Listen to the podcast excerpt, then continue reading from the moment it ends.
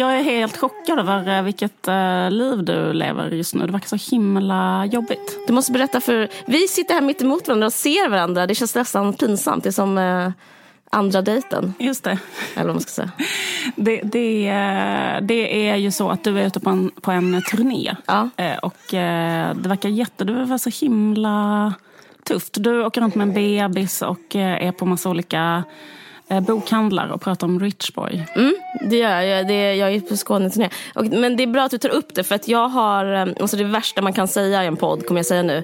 Jag vill be om ursäkt för mitt innehåll. Men, men grejen är, eller jag ska inte be om ursäkt, men när man inte har något att säga Eh, då, alltså, jag, när jag, jag, tänker på hur andra människor är. Om jag, liksom, om jag så hatkollar Instagram, som man, jag vet inte om du gör det, men om, ibland kan jag gå in och liksom hatkolla på olika människor som jag inte följer. Mm. Men som bara, bara för liksom så här eld, elda upp mig och försvinna iväg i det. Jag har aldrig gjort det. Nej.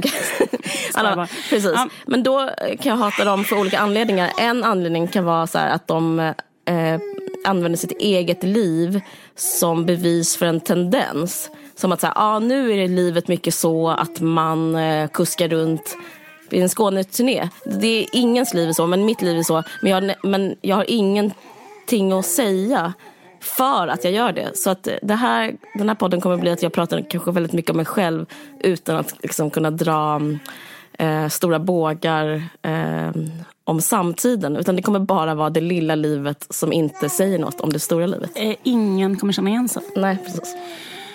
Men um, nu när du gör jättemånga intervjuer, så, är, det någon, är det någonting som är liksom att du hela tiden får samma... Har du kommit in i det här att du hela tiden får samma fråga och sånt? Mm, folk vill alltid veta om skrivprocessen. Okay. Finns det något att säga om skrivprocessen egentligen? Jag tror att man, det, jag vet inte, det man vill höra är ju att man kan skriva en bok själv. Det är någonting som jag, jag vet inte om det handlar om mig för att jag möter den typen av människor. Men jag upplever att nästan alla vill skriva en bok. Och eh, om man säger att det bara handlar om att sätta sig och skriva eh, så blir folk så glada. För det, det är nästan som att säga att du har ett eh, du har ett kontrakt där. Alltså det, det är som att eh, halva drömmen är uppfylld. Ja. Eh, för det är ju inte mystiskt men eh, det, det, känns väldigt så mytiskt med att få ge ut en bok. Och, ja. Men man vet ju sånt om folk. Alltså varför vet jag hur Jan Guillou skriver till exempel? Det är för att liksom det, känner du till hur Jan Guillou skriver? Nej. Han skriver eh, varje förmiddag fram till klockan 12. Nej, han skriver tio sidor eh, exakt varje dag, tror jag. Och, eh, och om han... Eh, och så slutar han precis, även om det är mitt i en mening, så får han liksom inte fortsätta. Så han har liksom det som en liksom, eh, eh, ja, ett väldigt så schematiskt sätt att skriva på. Att han slutar klockan tolv? Nej, det var någon annan. Någon, men att, jag tror det är med tio sidor och, och mm. mitt i en mening så kan han sluta. För att liksom, det ska vara varken mer eller mindre. För att mm. annars liksom blir det eh, flummigt. Och det kan jag förstå. Att man liksom, schemat är viktigare än skrivandet egentligen. Mm. Men så kan jag också ha när jag ritar. Så att, jag måste, alltså, att jag måste bli klar med um, att man har så här, två eller tre sidor om dagen. Alltså, mm. Alltså som måste vara... Alltså att man, man måste hålla det tempot att man liksom inte går hem förrän... Det vet du när du på morgonen vad du... Alltså om du är i en ritperiod, om du ja. ska göra en bok mm. i produktion eller vad man kallar det. Mm. Vet du hur din vecka ser ut då? Mm. Hur ser den ut då? Nej men jag menar då, alltså. Om jag skriver ett manus, då, mm. där är det ju där kan det ju liksom hända mycket mer alltså när man skriver manuset. För då kan det vara så här, att man skriver liksom ett parti som man sen bestämmer sig för att ta bort eller märker att det här inte funkar eller någonting sånt där. Men eh, mm, mer eller mindre så så brukar det ändå vara så. Ja, men det handlar väl också bara om att man liksom nästan måste veta det ifall man jobbar mot en deadline och sånt. Liksom att så här, kommer jag bli klar? Då kanske man måste ha sådana beting nästan. Att så här, mm. Man kan mm. inte bara eh, känna att det här eh, funkar inte idag eller sådär. För att eh, du, du, jag vet inte men det, det, det upplever jag var någonting jag lärde mig första gången jag fick liksom jobba med att rita. För då, då hade jag ju ett jobb där jag gjorde en serie i veckan till DN på stan. Mm. Och då var det så här, innan dess hade jag bara så här, när jag fick en idé så ritade jag en serie. Mm. Men då var jag tvungen att göra det för att jag var tvungen att lämna in det. Mm. Och då eh, märkte jag det. Att så här, om det fanns en deadline, då kom jag på någonting. För att mm. man gör det, man sitter och tänker tillräckligt länge. Och sen så ibland blir det inte så bra, ibland blir det, alltså så här, mm. men det, det Eh, det, det blir ju så. Mm. Eh, och det var en himla värdefull insikt. Mm. Och sen en annan faktiskt väldigt värdefull insikt som jag hade apropå skrivprocessen fick jag när jag jobbade med att skriva uppsats i, eh, på universitetet, när man skrev så långa, långa uppsatser.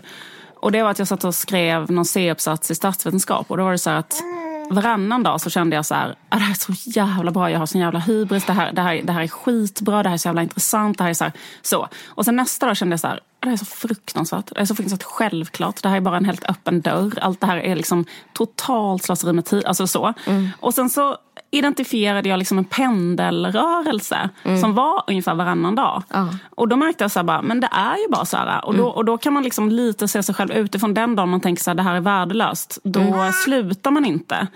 Eh, mm. och tänker så här, då, då, ska inte jag lämna in det här, då ska jag inte göra klart. Utan man bara typ nästan, så man bara sitter där och gör, man kan göra någonting annat kanske då, så här, rätta språkfel, vad fan som helst. Liksom, mm. Läsa någon bok, någonting. Sen nästa dag så kan man liksom vänta på att det andra läget kommer kicka in. Mm. Um, om man skulle prata med Amanda Schulman kanske hon också skulle säga att det har att göra med menscykel. Just det. Nej, men de snackar om det mycket i sin podd. Jag tror i och för sig, um, jag, jag har läst riktig forskning om detta faktiskt. Mm. Och eh, kvinnan är inte så eh, styrd av sina hormoner, enligt forskning. Men i podden så pratar de mycket, i sin podd pratar de mycket om det, just om självförtroendets pendlingar hos kvinnor, att det är hormonellt. Så här, att man känner sig eh, dålig vissa dagar i månaden och bättre eh, att inte bara så PMS och mens utan liksom att hela månaden är en eh, en eh, liksom, pendling av positiva och negativa känslor. Liksom. Eh, men eh, typ, enligt forskning så, så är man kanske lite påverkad av det men, man, men det handlar mer om så här, allmänt stöd runt omkring en tydligen. Och, eh, andra psykologiska förutsättningar och så. Men, men, men att det kanske finns en liten sån faktor. Men oavsett så här, vad det beror på så tycker jag det kan vara ganska eh, skönt att bara så här, tänka på sitt såna eh, självförtroende slash självhat i, i termer av någon slags vågrörelse mm. som bara är hela tiden. Så här, den kommer och går. Och det är bara en del också av, och, det är också en del av processen. Liksom, verkligen. Alltså, det skulle inte gå att skriva utan att ha de där grejerna. Nej, men jag tycker det är intressant att frågan kommer. För det är som att man skulle inte ha den frågan vad det gäller ett annat jobb. Eller ett vanligt jobb skulle man inte så här... Eh, hur gör du när du jobbar? Alltså då, då är det alltid så här, jag går upp och går dit. Men jag tror att det finns, eh, frågan måste väl eh, bottna i eh, en sån här ehm, föreställning om att det kanske har med inspiration att göra.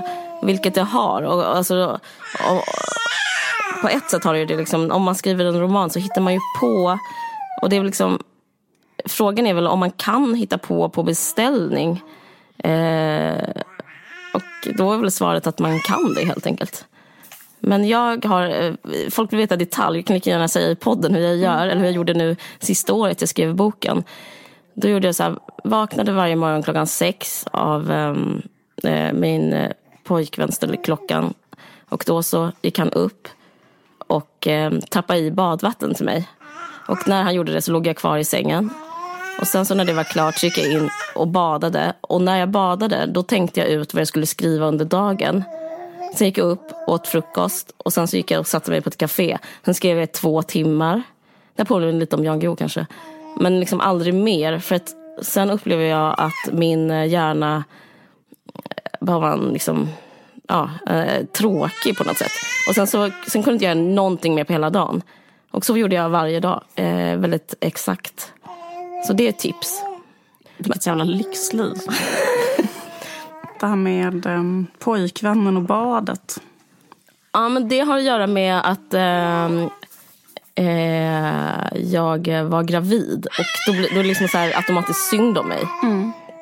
Just det det, man får se det ljuset av det. För ja. om du inte hade varit gravid och ni bara hade haft två helt vanliga jobb ja. och det ändå hade varit så, då hade, då hade det varit liksom lite mer extremt. Jag vet om man har hört så om um, Lennart Hellsing och Yvonne Lombard, mm. deras förhållande. Att han varje kväll gick in till henne och gav henne en liten kopp Amarone. Ja, visst. Och masserade hennes fötter. Och en chokladbit. Och en chokladbit. De hade skilda sovrum, ja. tror jag. Men att liksom, de hade som en ritual att han alltid kom in och eh, gjorde det på kvällen. Ja. Um, Men då undrar man ju direkt, kompenserar han för någonting? Alltså jag har hört en intervju med henne där hon säger typ att Lennart Hellsing sa aldrig typ någonting positivt till mig liksom under hela vårt äktenskap. Ja. Alltså, jag tror att eh, han... Eh, jag kan tänka mig också just att det är mycket så här gurka, mazurka i en plurka. Så liksom så här, att han bara liksom eh, eh flowar på ring. Att det är svårt, ja. att liksom så här, att, att svårt för honom att vara närvarande, kanske prata så på riktigt om någonting.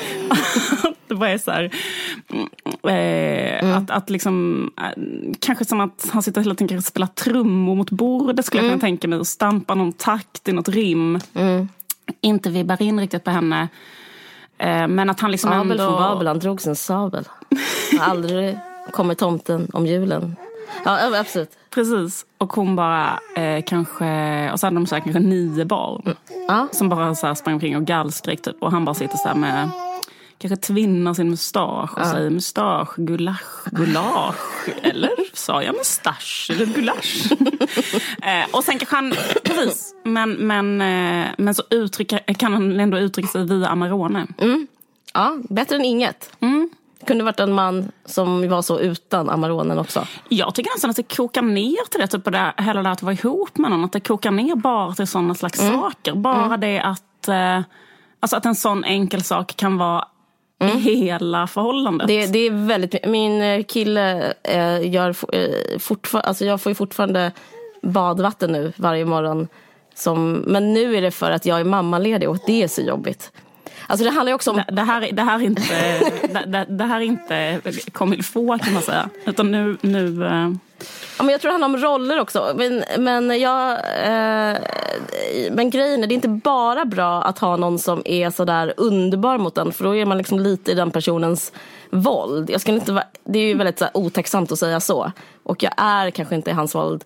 Men, men eh, det blir ändå som att jag blir liksom så här, förlorad i världen om ingen tappar upp badvatten åt mig. Alltså på den här turnén, du kan ju tänka hur svårt det varit med badet på morgonen.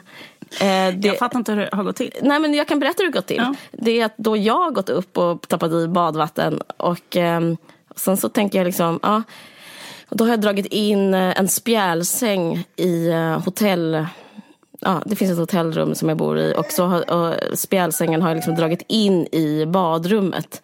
Eh, för att liksom upp, jag är tvungen liksom att uppfinna hjulet själv nu med någon som inte gör allting för mig hela tiden. Och det är kanske därför jag är så utbränd nu. Men ja. Eh, så att det är inte bara bra att bli daltad med. För det, då, då, då blir det näst, alltså nästan som att jag blir handikappad lite. Ja. Men det verkar ändå mysigt tycker jag. Nej men jag tänker på det där, nej men jag bara, bara tänker på det där att det bara, alltså typ att um, Jag kan tänka mig folk som är ihop länge, att det blir mm. en massa gamla par som är så här eh, inte säger någonting till varandra. Till exempel att de bara, alltså, man ser så här, man bor på hotell eller någonting så ser man så här, gamla par som bara sitter vid hotellfrukosten och mm. ingen yttrar ett ord. Att man bara är. Mm. Man har liksom bara gått över till att vara en, eh, en, eh, en, en slags enhet mm. som inte så här, interagerar så himla mycket. Men just att det bara är myset av att till exempel så bara en person... Det, man kanske inte pratar om någonting. Mm, mm. Och man kan ta någon, men det kanske bara finns en grej som är så att en person kokar ens ägg på morgonen. Mm. Och det är, det är det som är alltihopa. Mm. Men, men jag tänker på det du säger. För att om, om, Eller någon frågar, ska jag koka ditt ägg? Ja, men om, om man är på restaurang på kvällen till exempel. Så att man går ut med eh, någon. Mm. Och så sitter man och tittar på vilka som så är det ett restaurangrum liksom, och så sitter massa par där. Då kan man direkt se vem som är på dejt och inte på dejt. För de som är på sin dejt, alltså sin första dejt, kanske så här, Tinders tredje dejt, whatever, är då sitter de och pratar och typ ska så, säga grejer om, om, om sig själva. Och så ser man ett, kanske ett par som typ är ihop. Och det är, det vet, man kan direkt sätta det, för det är när de, de tysta är ihop och de som är på dejt pratar. Då frågan då är vem man känner sig avundsjuk på. Och jag skulle ändå säga att eh, det är de som är tysta. Alltså för mig, jag vet inte om du eh, lägger värdering i om det är negativt eller positivt att man slutat prata med varandra. Men det är verkligen jobbigt att prata också ska vara så himla lollig för man tänker så att är, hon är på sin första dejt och bara kan sitta tysta det första som händer. Man bara sitter så bara... Men då tror du att de blir ihop? Tror du inte? Om du säger att det är soft att sitta helt tyst och bara jag är lite trött och det är lugnt. Ingen känner någon press och säger någonting, det är bara lugnt. Mm, bara då kommer de, det, det, då är allt rätt.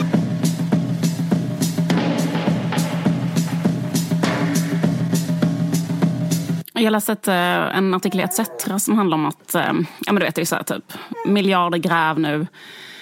Och alla gräv går ut på samma sak som är så att det är ingen stor surprise men så att människor som eh, då kandiderar för SD att de också så har varit med i något nazistiskt parti eller är det. Eller så här. Men då har ETC i alla fall gjort ett gräv som handlar om att olika SD människor som har handlat saker i vad heter det, Nordiska motståndsrörelsens och föreningen Midgårds eh, nätshop, webbshop. Mm. Alltså de har webbshoppat.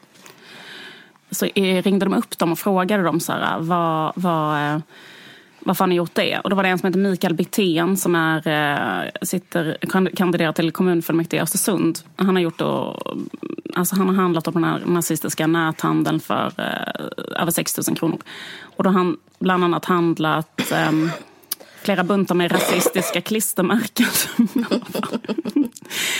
eh, jag såg vilka klistermärken det var också. Det är så här, klistermärken med en tjej med en jättetjock blond fläta och så står det Stay with your race. Eller sånt. Alltså det är en naken tjej på ett rapsfält. Mm. I alla fall. Eh, och då, hans förklaring var det jag tänkte var lite intressant. Då skrev han så här, citat. Klistermärkena köpte jag åt en kompis. Och sen så var det en annan som heter Per Olsson som kandiderar till eh, kommunfullmäktige i Oskarshamn som, som har köpt en mössa med texten Nordfront. Mycket merch det finns. Mm. Förklaring från Per Olsson. Det är en present till en vän. Mm. Tredje, Mats Trädgård, SD. Eh, han, han, eh, han kandiderar till Nässjö kommunfullmäktige. Eh, han, han har köpt en tröja av det högerextrema klädmärket European Brotherhood. Ehm, förklaring. Det var en present till en person. som överhuvudtaget inte har med SD att göra. Um, mm. Men jag bara tyckte att det var, fanns en intressant också i det här du pratade om klassiska manligt kvinnligt spaningar. Så mm. finns det ju en sån eh, klassisk manligt kvinnligt spaning att kvinnor eh, ofta är de som köper presenter. Mm. Det är en sån grej att så här, Eh, oftast har separerade par har ju det som någon, någon grej. Då, liksom vem köper presenter till eh, barnkalas man ska gå på eller vem så här, överraskar någon med present och så. Mm. Och det finns en så här, eh, män ifrån Mars kritik mot män som är så här, att de inte köper presenter. Nej. Men det, den fördomen kommer på skam här ja, nu. Ja, verkligen. här är verkligen någon som har liksom gjort ett rollövertagande och tänkt på lite extra på någon att köpa en gullig present. Och då är det en mössa från Nordfront. Kanske hans, flick, han, hans flickväns årsdag. Ja. Um, mm. En uh, tröja från European Brotherhood. Nej, man ska inte vara så snabb med de där uh, fördomarna. Nej, det ska man inte. Ja, det var bara det. det var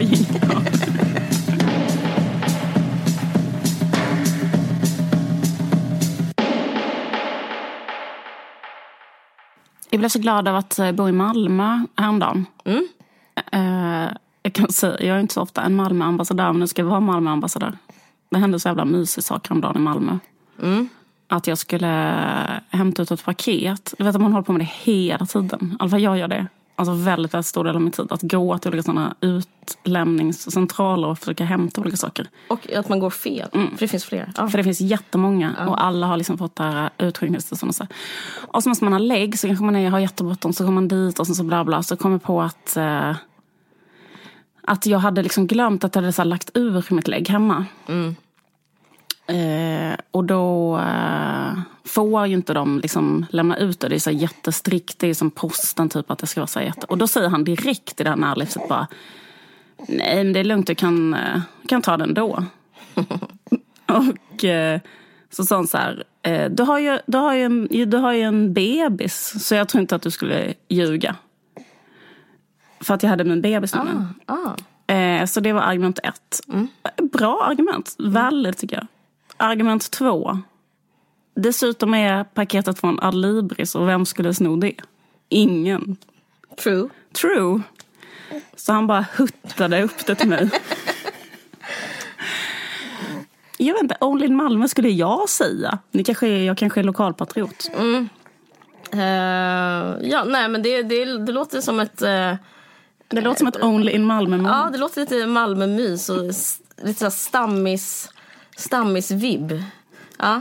Nej, men jag har märkt samma sak. Jag, jag brukar också få... Men att ha en bebis är som en slags um, uh, metafor för typ godhet eller ärlighet. Uh, det, det, är ju tips om någon vill begå brott, att man bara har med sig en bebis kanske. Det är, det är inte helt fel kanske. Jag, vet inte. jag har handlat på systemet med min bebis. Men då tänker jag så här, men då förstår de väl att jag är inte som teen mom. Alltså om jag inte haft lägg med mig. Behöver du alltid visa lägg på systemet? Ja men ofta. Ja, jag behöver aldrig göra det. Det har aldrig någonsin Humble Inte ens när jag var... Det är inte, det är inte så humble ens en gång skulle jag säga. Ja, men från min sida? Ja, ja, men, jag menar, brag? Ja, jag ska bara kalla det brag. Är Men jag, jag, vet inte om jag ser svin gammal ut. För att jag, jag, jag, det, det ser vis ut. Um, precis. Folk liksom frågar mig, inte om lägg, utan så här, har du några heliga örter? ja. Där fick jag för att jag snackade skit om hudvårdsintresserade. Mm. 1-0 till dem.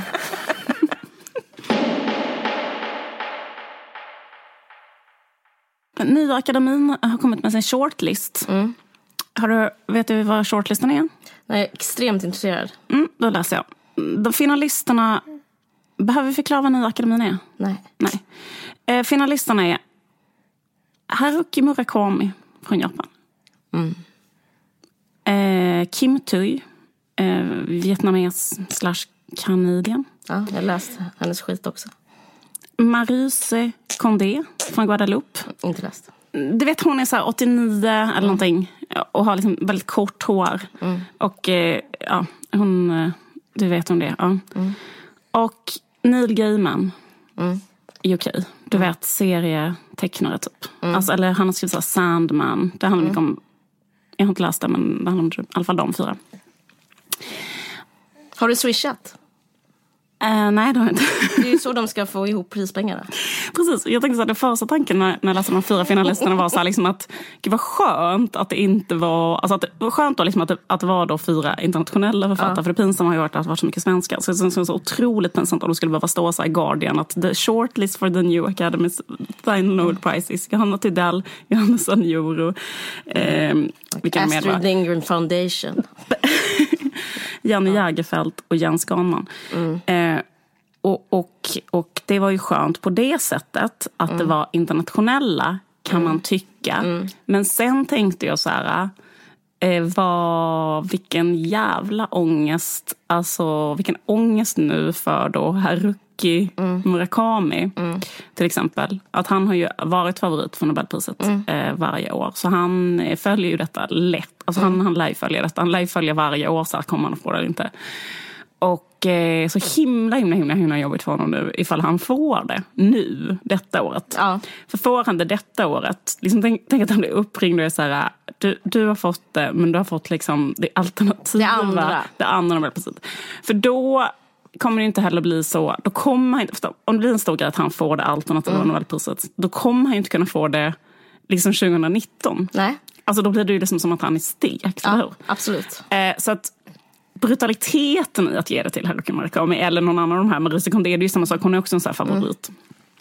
Mm. Eh, att eh, jag tänkte att han får det där, vad heter det, telefonsamtalet och så är det bara så här, ja ah, du har fått Nobelpriset, fast det är det alternativa Nobelpriset. Och de bara, och han bara, ja men eh, liksom mina pengar då, eller liksom, mm. får man Nobelpriset får man Vill du ha mitt eh, bank? Vill du ha mitt bank? Och det är så här, nej det är Bianca Kronlöf som kommer swisha dig.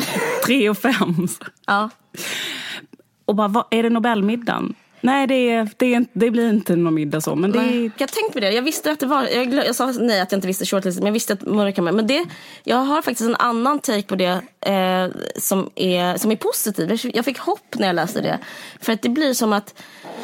Uh, om vi ska, om vi ska tala liksom öppenhjärtligt och ärligt om litteratur, bara två minuter. Mm. Uh, så det går snabbt. Och nu kommer det. Och det är att uh, Harry Murakami är skit. Det är så kul att du kallar honom för Harry. Vad heter han? Haruki. Haruki. Men det är jättekul. Harry Murakami. Haruki Murakami. Han är skit. Han är nästan bra. Och det är liksom störigare än att vara dålig. Han är nästan bra och han har, liksom, han har alla attribut för att vara bra. Men han är inte bra. Han är från Japan. Hur coolt? Alltså, det räcker nästan för de flesta. Det är därför eh, att han heter Haruki Murakami och han eh, är författare. Det är liksom också samma saker. Det är så här mytologiserat och mystiskt och halva sträckan för Nobelpriset är klart på grund av det. Men om man läser hans böcker så är de mest sexistiska eh, fantasilösa. Det är så, här, så fort man, han inte kommer på ett slut så, bara, eh, hon, han, så kommer en sexdröm in. Ja. Det är så fruktansvärt tråkigt. Och natur, äh, alltså, övernaturliga inslag. Så, men grejen det är som magisk realism eh, ja, på det absolut som sämsta, sin... sjukaste sättet. Det är ja. väldigt poli övertydligt politiskt skulle jag säga, på, på, i, i, i en otroligt negativ bemärkelse. Alltså, I en gymnasial bemärkelse? Att, ja. att han liksom gör upp med olika saker som han själv är emot.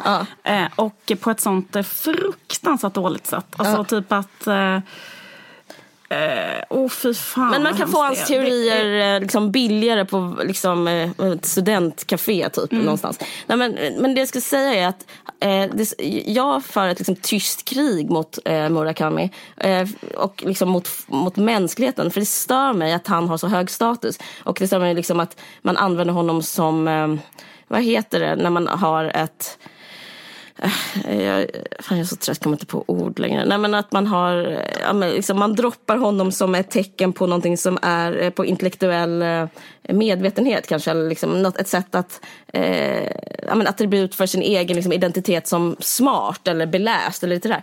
Men om nu han får det här Nobelpriset så är det liksom eh, som att universum är självreglerande i att alltså, allting kommer falla på plats.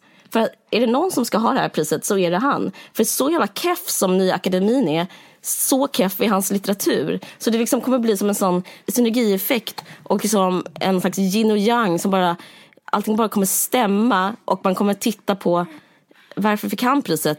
Jo, för att Nya Akademin gillar honom och då först ska man förstå att han är dålig. Så att jag känner liksom en, det här är kanske Nya Akademins syfte, att dra brallorna av eh, av eh, författare med hög status. Ja, intressant. Ja. Men säg som... om Ann eh, Carson skulle få det, då skulle jag lida på samma sätt. Som, alltså, liksom, alltså, då skulle det vara så pinsamt. Liksom, att, för hon förtjänar liksom det riktiga Nobelpriset. Ja. Och då, men nu så förstör inte de eh, universum utan nu, nu, gör de den, nu gör de universum mer begripligt. Mm. Pisspris till pisslitteratur. Tack! Ja, det, det, det är bra. Det blir så här... Äh, det här som Adorno skriver om negativ dialektik. Man skriver om så här att det finns inget positivt... Äh, alltså det finns inget som är positivt eller negativt utan allting är samtidigt både positivt och negativt. Och det här får vi då liksom den, det bästa exemplet på det. Att positiv och positiv, liksom en, ett framsteg och ett bakslag existerar alltid exakt mm. samtidigt. Mm. Uh, vilket det här blev en fin illustration av. Verkligen.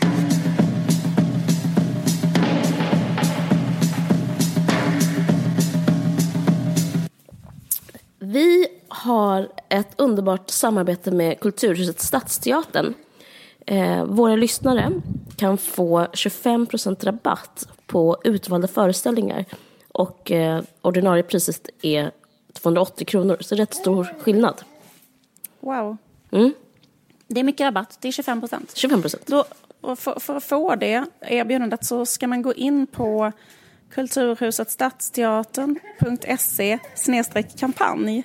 Och så ska man ange koden FUXFUX. Mm. Speciell kod. Men eh, man tänker på hästfärgen FUX två gånger. Mm.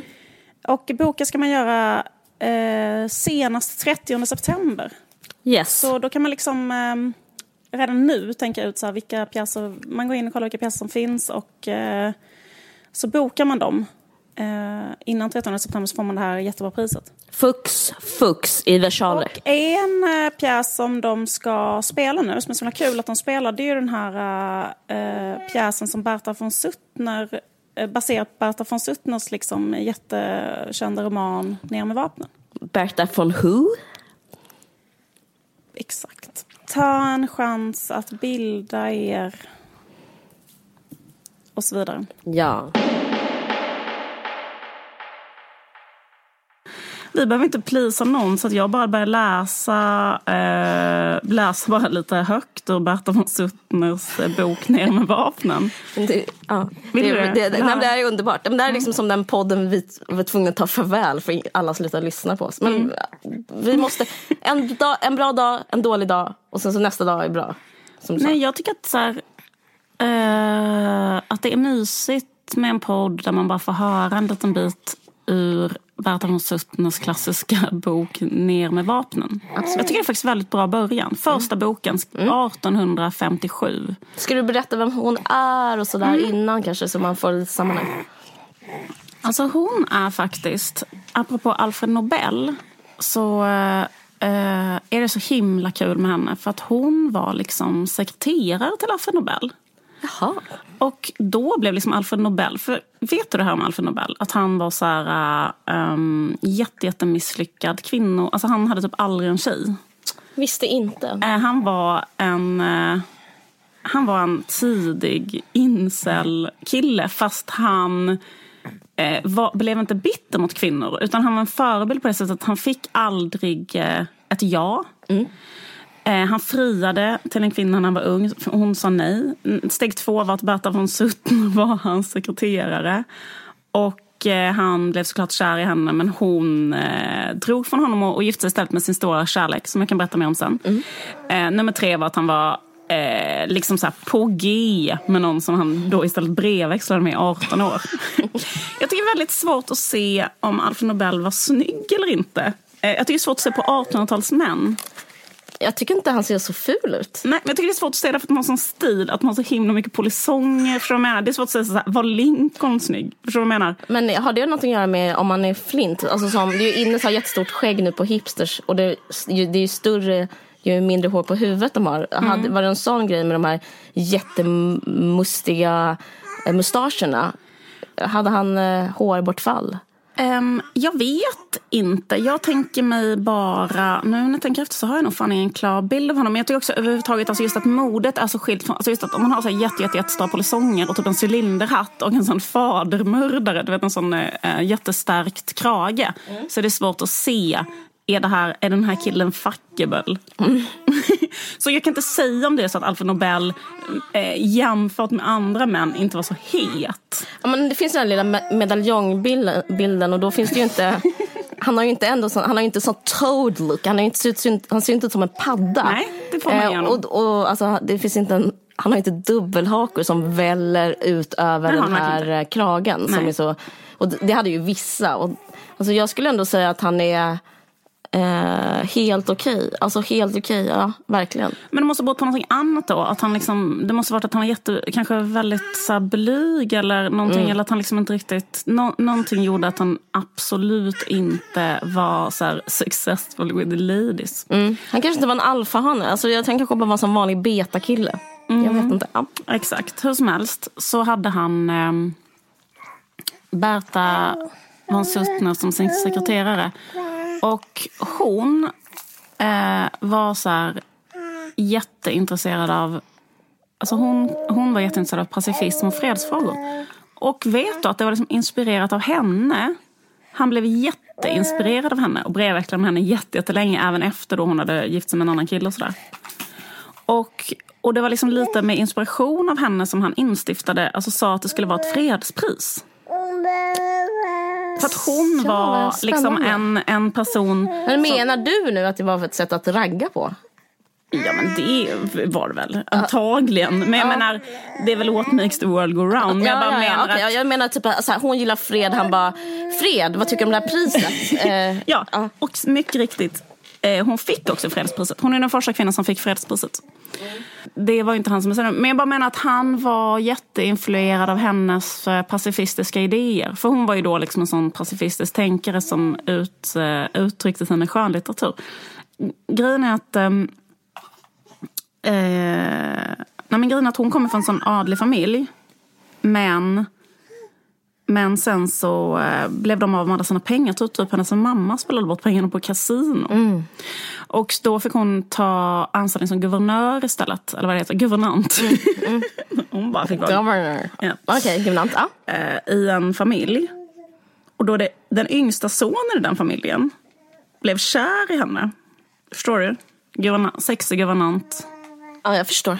Eh, De blir kära i varandra. Okej. Eh, Jag kan tänka mig då att hon tänker så här, det här går inte, det här går inte. Jag lämnar mitt jobb som guvernant och börjar istället jobba som Alfred Nobels sekreterare. Det var det hon gjorde. Men då liksom fortsätter han den här unga, unga, svinheta killen att skicka brev till henne. Eh, familjen, hans familj är fruktansvärt emot det självklart. För det är så här, vår typ tonårsson ska ju inte bli ihop med en sju år äldre guvernant som dessutom är utfattig. De kommer från en jättefin familj. Eh, Men eh, då liksom bestämde de sig ändå för att bli ihop. Eh, Och då lämnade hon den osexiga Alfred Nobel, betakillen. Och blev ihop med den här unga svinheta yngsta sonen. Hennes elev. Eh, Och sen började de typ så kuska runt och då hade de inte så mycket pengar. Men då liksom skrev båda, båda tänkte jättemycket. De hade svinromantiskt. Hon har skrivit en underbar bok om detta som heter typ om kärleken, la la la. De åkte runt i Europa, Kul, de underbart. tänkte, de levde. De hade Var fick de pengar ifrån då? Nej, sen blev- går det- gick det bättre och bättre för båda två. Alltså att de började skriva och typ sälja det de skrev och sådär. Wow. Och eh, hon skrev ju ganska mycket. Och sen så, så blev det då att hon skrev den här typ bästsäljaren Ner med vapnen, som är då mot krig. Och sen fick hon ju Nobelpriset i, um, lite, eller i fred menar jag.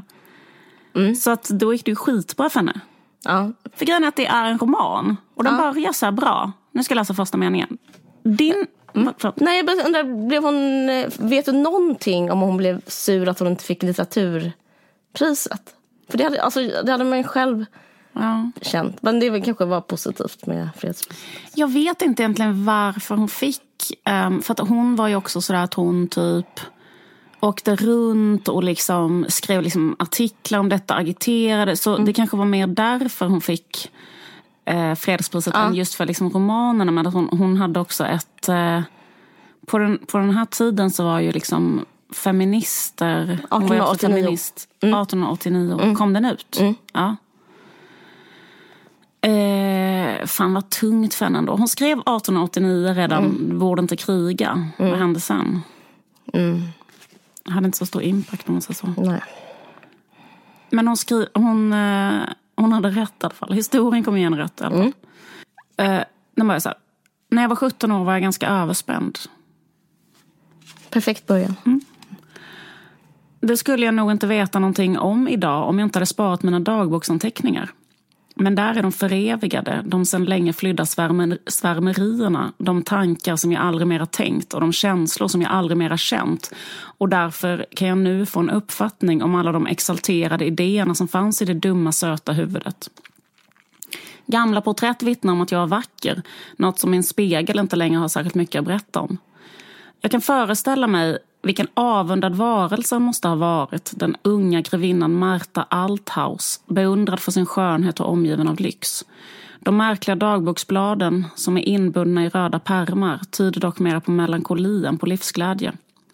Frågan är bara om jag verkligen var så dum att jag inte insåg vilken fördelaktig position jag befann mig i, eller om jag var så svärmisk att jag tyckte att det enbart var mina melankoliska känslor som var värda att upphöjas och uttryckas på poetisk prosa och föras in i den röda boken. Jag tycks inte ha varit särskilt nöjd med min lott, för i boken står det skrivet O, Jeanne d'Arc, du himmelsbenådade hjältejungfru, om jag bara vore som du. Om jag bara fick svinga oriflammen, kröna min konung och sedan dö för det älskade fosterlandet. Jag fick emellertid inte något tillfälle att förverkliga dessa blygsamma ambitioner. Humor. Ja. Man blir sugen på att höra mer, eller hur? Mm. Och sen så handlar den om att det är fel att kriga. Först så, alltså det, han- det är ju liksom en slags förtäckt självbiografi. För att hon föddes ju in i en väldigt privilegierad klass. Sen förlorade hon alla sina pengar och liksom ungefär vid halva livet så Alltså hon var ju uppfostrad då i den här tidens anda av att man ska dö för sitt fosterland och hit och dit. Men sen så liksom kommer hon på att det är fel och börjar liksom um, vara, vad heter det, aktiv mot det då, vilket var superkontroversiellt såklart på den här tiden. Men det som jag tycker är intressant med den här form av eh, liksom skatt eller historisk skatt. Jag känner inte till henne innan. Eh, det liksom säger någonting om eh, eh, den, feministiska, den feministiska historien. Eller fem- liksom vad som, eh, hur det var förr i tiden och vad som ingick i eh, kvinnokamp. För det är liksom någonting som har fallit bort väldigt mycket. Det är inte, man pratar väldigt lite om pacifism som en feminism eh, nu för tiden. Absolut. Eh, och det var så väldigt, eh, väldigt stort i förra sekelskiftet och 20-talet och eh, alltihopa. Men eh, det, det som, och Elin, heter den, Elin Key, alltså hela den mm, typen av borgerliga Eh, Ellen Key, eh, den, Ellen Wagner, alla, alla de, eh, de feministerna eh, mm. hade också det som liksom alltid på sin, i sin programförklaring för att liksom nå en, eh, en jämlik värld. Och sen så har det, det är inte som att vi, det var inte som att de, som du säger, det är inte som att de eh, vann då och sen så slutade det vara krig och därför har det feministiska eh, arbetet eh, inte behövt eh, ta avstånd mot eh, krig och sådär. Men det, det, nu har det blivit en... Eh, det är inte liksom en fråga som korsar eh, den feministiska kampen på samma sätt. Jag tycker mm. det är intressant. Jag undrar när det slutade och vad som hände. Det känns även på 70-talet höll man på med det rätt så mycket. Eh, som en kvinnofråga. Och ja. nu, nu så är det andra saker.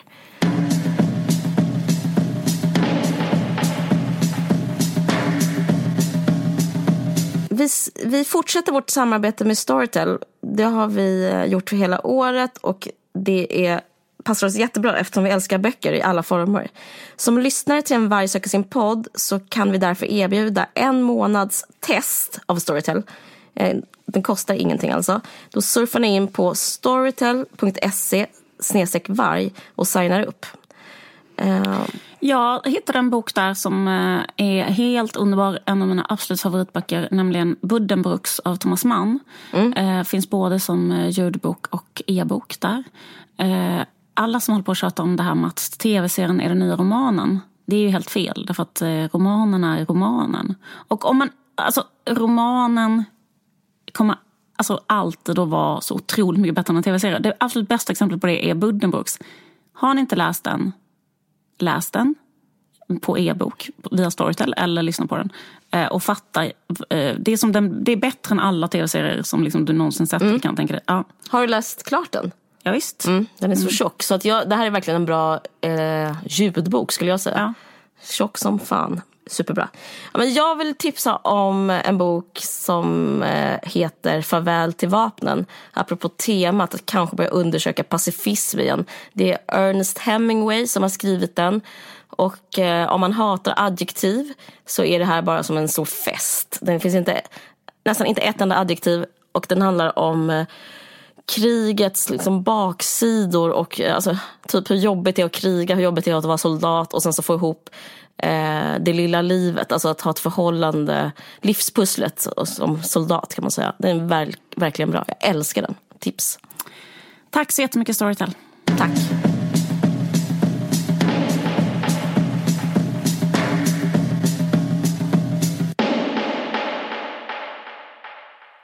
Har du hört att eh, Bengt Olsson har blivit singel?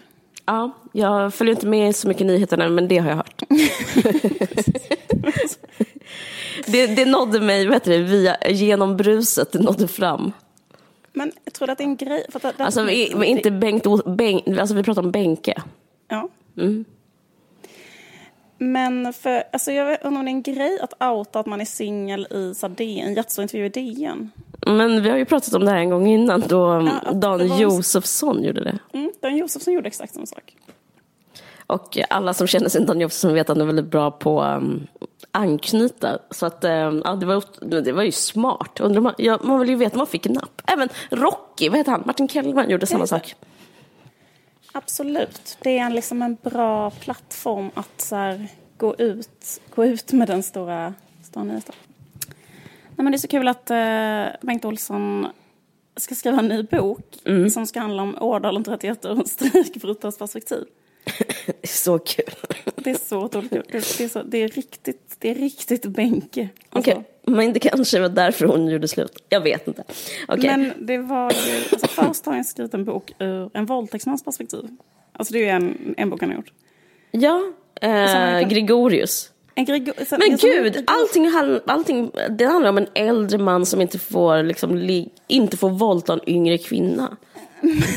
det handlar om det. Alltså, jag, jag säger inte mer än så, men det handlar om det. Liksom, alltså, att, att det är ett... Eh, Alltså han har, en, han har liksom en formel som alltid är väldigt lik. Ja. Jag, jag, alltså han har ju skrivit 20 romaner. Är, är alla romanerna så att det är så att man tar ett historiskt skeende? Att det är så här, och nu har han liksom fått slut på berättelser i nutid där han kan vara Oj, vad händer om vi tänker oss in i den här personen? Som, ehm, och då måste han gå tillbaka till så gamla svenska händelser. Mm. Och, men det, det, och det, det är smart, det, det finns ju. Sverige-Danmark-kriget ur en dansk perspektiv. Ja. Var det egentligen så mycket stort fel på Christian Tyrann? Ja, men precis. Christian Tyrann ur Christian Tyranns eget perspektiv. exakt, exakt. Det är ja, men det, tiden, det, ja, han, det är, han, hela det är skönt att någon det, tar, mm, han tar deras perspektiv. Det är helt underbart. Nej, men att det, är så, det är så komiskt också, för det är så himla liksom... Um, det är så himla... Alltså, för att jag tror att alla människor har tänkt... Synd att uh, Uppdrag granskning har gjort metoo ur Virtanas perspektiv. Det var säkert något som han hade på skiss. På skissbordet, skissbordet. Ja, åka i papperskorgen. Ja, det, det fick han slänga. Men jag tycker det var smart att gå tillbaka för då kan man göra så här också, mm, jag vet inte, ut, utrotningen av uh, indianerna ur Columbus perspektiv. ja, precis. Så bara så här, tänk ändå, tänk bara in i Columbus lite. Alltså det var... men Columbus drift, Columbus hade inte så lätt. Columbus hade också barn att försörja kanske. Alltså för jag menar att han, han, han jag vet inte. Ja. Men det är det att det blir lite så här edgy. Han är ju, han är ju liksom... ehm, Det är, det är ju liksom det här, eller liksom att det är edgy i en, i en ankdamm eller ett pyttelitet perspektiv Mm. i en närbild så är det edgy men, men liksom det är så himla liksom, ja, ja. Men eh, jag tycker det är eh, alltså lite att man tappar hakan åt idén men samtidigt är det bra eh, att han eh, hittar en nisch. Alltså jag tror att man ska ha en personlig nisch. Men det påminner mig lite om det Hanna och Amanda avsnittet som jag hörde när de pratade om allt hat det är på sociala medier. Eh, och det är som väldigt å, eh, åsikt som är sen, det är lätt att skriva under på att man är emot hat på sociala medier. Men eh, det var roligt, eller jag lollade i min ensamhet. Jag måste säga, bara för att ha det sagt, eh, ifall du skulle få chans att bli vän med typ Amanda Schulman någon gång, att jag älskar henne och beundrar henne och vill vara som henne. Men, men jag vill ändå säga att kritisera den typ av eh, retorik, för det är också så här lite Benke Olsson-retoriken. Eh, för då, då var då att de eh, att allting utmynnade, att det kändes liksom så himla himla taskigt att klaga på stora företag. För stora företag är också bara människor som går till jobbet och anställer och får vinst när andra utför arbete mot dem. Ja, du vet. så det, det är liksom lite samma... Ja, det, eh, är, det kanske finns det liksom en ny jättebra- grej. Slags, ja, det är ett jättebra uppslag faktiskt till den Benke Olsson-romanen. Ja men typ hur känns SAS när typ alla bara klagar på att SAS... Ja men exakt, kanske, eh, kanske SJ, alltså kanske en SJ, en SJ-chef. En SJ-VD. SJ-chefens perspektiv. Typ så här, hur, hur känns det för honom att alla klagar på tågförsäljningen? Men han är också en människa som kanske är en helt vanlig människa om man bara skrapar lite på ytan, kanske han har en familj. Ja. Eller den här Volkswagen-skandalen som var så här att Volkswagen hade fejkat att de hade miljöbilar och så egentligen så Just fortsatte de att... eh, Just det. Ja, man kanske kan ha den Volkswagen. Kanske kan Ja men hur känner han, liksom Volkswagens vd sig nu? Liksom, det känns inte alls kul och det var inte alls roligt. Och... Han gör jättemycket research kanske om hur det är i Tyskland. Ja, men han kanske skriver jag-form, Stipendium typ. Mm. och bor där i den lägenheten i Berlin och gör någon sån jätteinsiktsfull Tysklandsskildring. Ja men Ja, typ men- eh, så här, ehm, ja men typ vad heter hans fru kanske, en tysk namn, Katarina, rätta till slipsen, jag känner, jag känner idag kommer något hända på jobbet, sen så börjar liksom en jätte så här emotionell historia hur det känns. Det kan bli hur bra som helst. Stefan Persson, ja, jag vet inte, det finns hur många, det finns verkligen människor att ehm, stå upp för. Precis, I litteraturen. alltså- det finns inga gränser i litteraturen. Nej men exakt, de här ubåts, alltså, ubåtsmordet ur Peder Madsens. Ja, absolut, absolut. Hur som helst, usch. Eh, ja, men, ehm, men fan vad kul. Det är nog... Det är nog Ja, men tjejer, tjejer. Glöm inte det viktigaste vad vi sa. Vad sa du? Glöm inte det viktigaste vad vi sa. Att han är singel? Han är singel. ja, Okej, okay, men vi kanske ska säga, säga hej då med det. Det är Ja, det ska vi göra. jag, jag måste säga en sak. Det går att köpa min bok extra billigt på Bokus just nu. Jaha, vad intressant. Hur kommer ja. det sig att den är så himla billig på Bokus just nu? Jo, men det är så, jag tror det är någonting jag, känner, jag fattar inte exakt hur det går till, men det är något med internet och uh, att de har fixat det billigaste priset på marknaden. Bokus gör, tar, tar, gör det där lilla extra för en som läsare. Mm.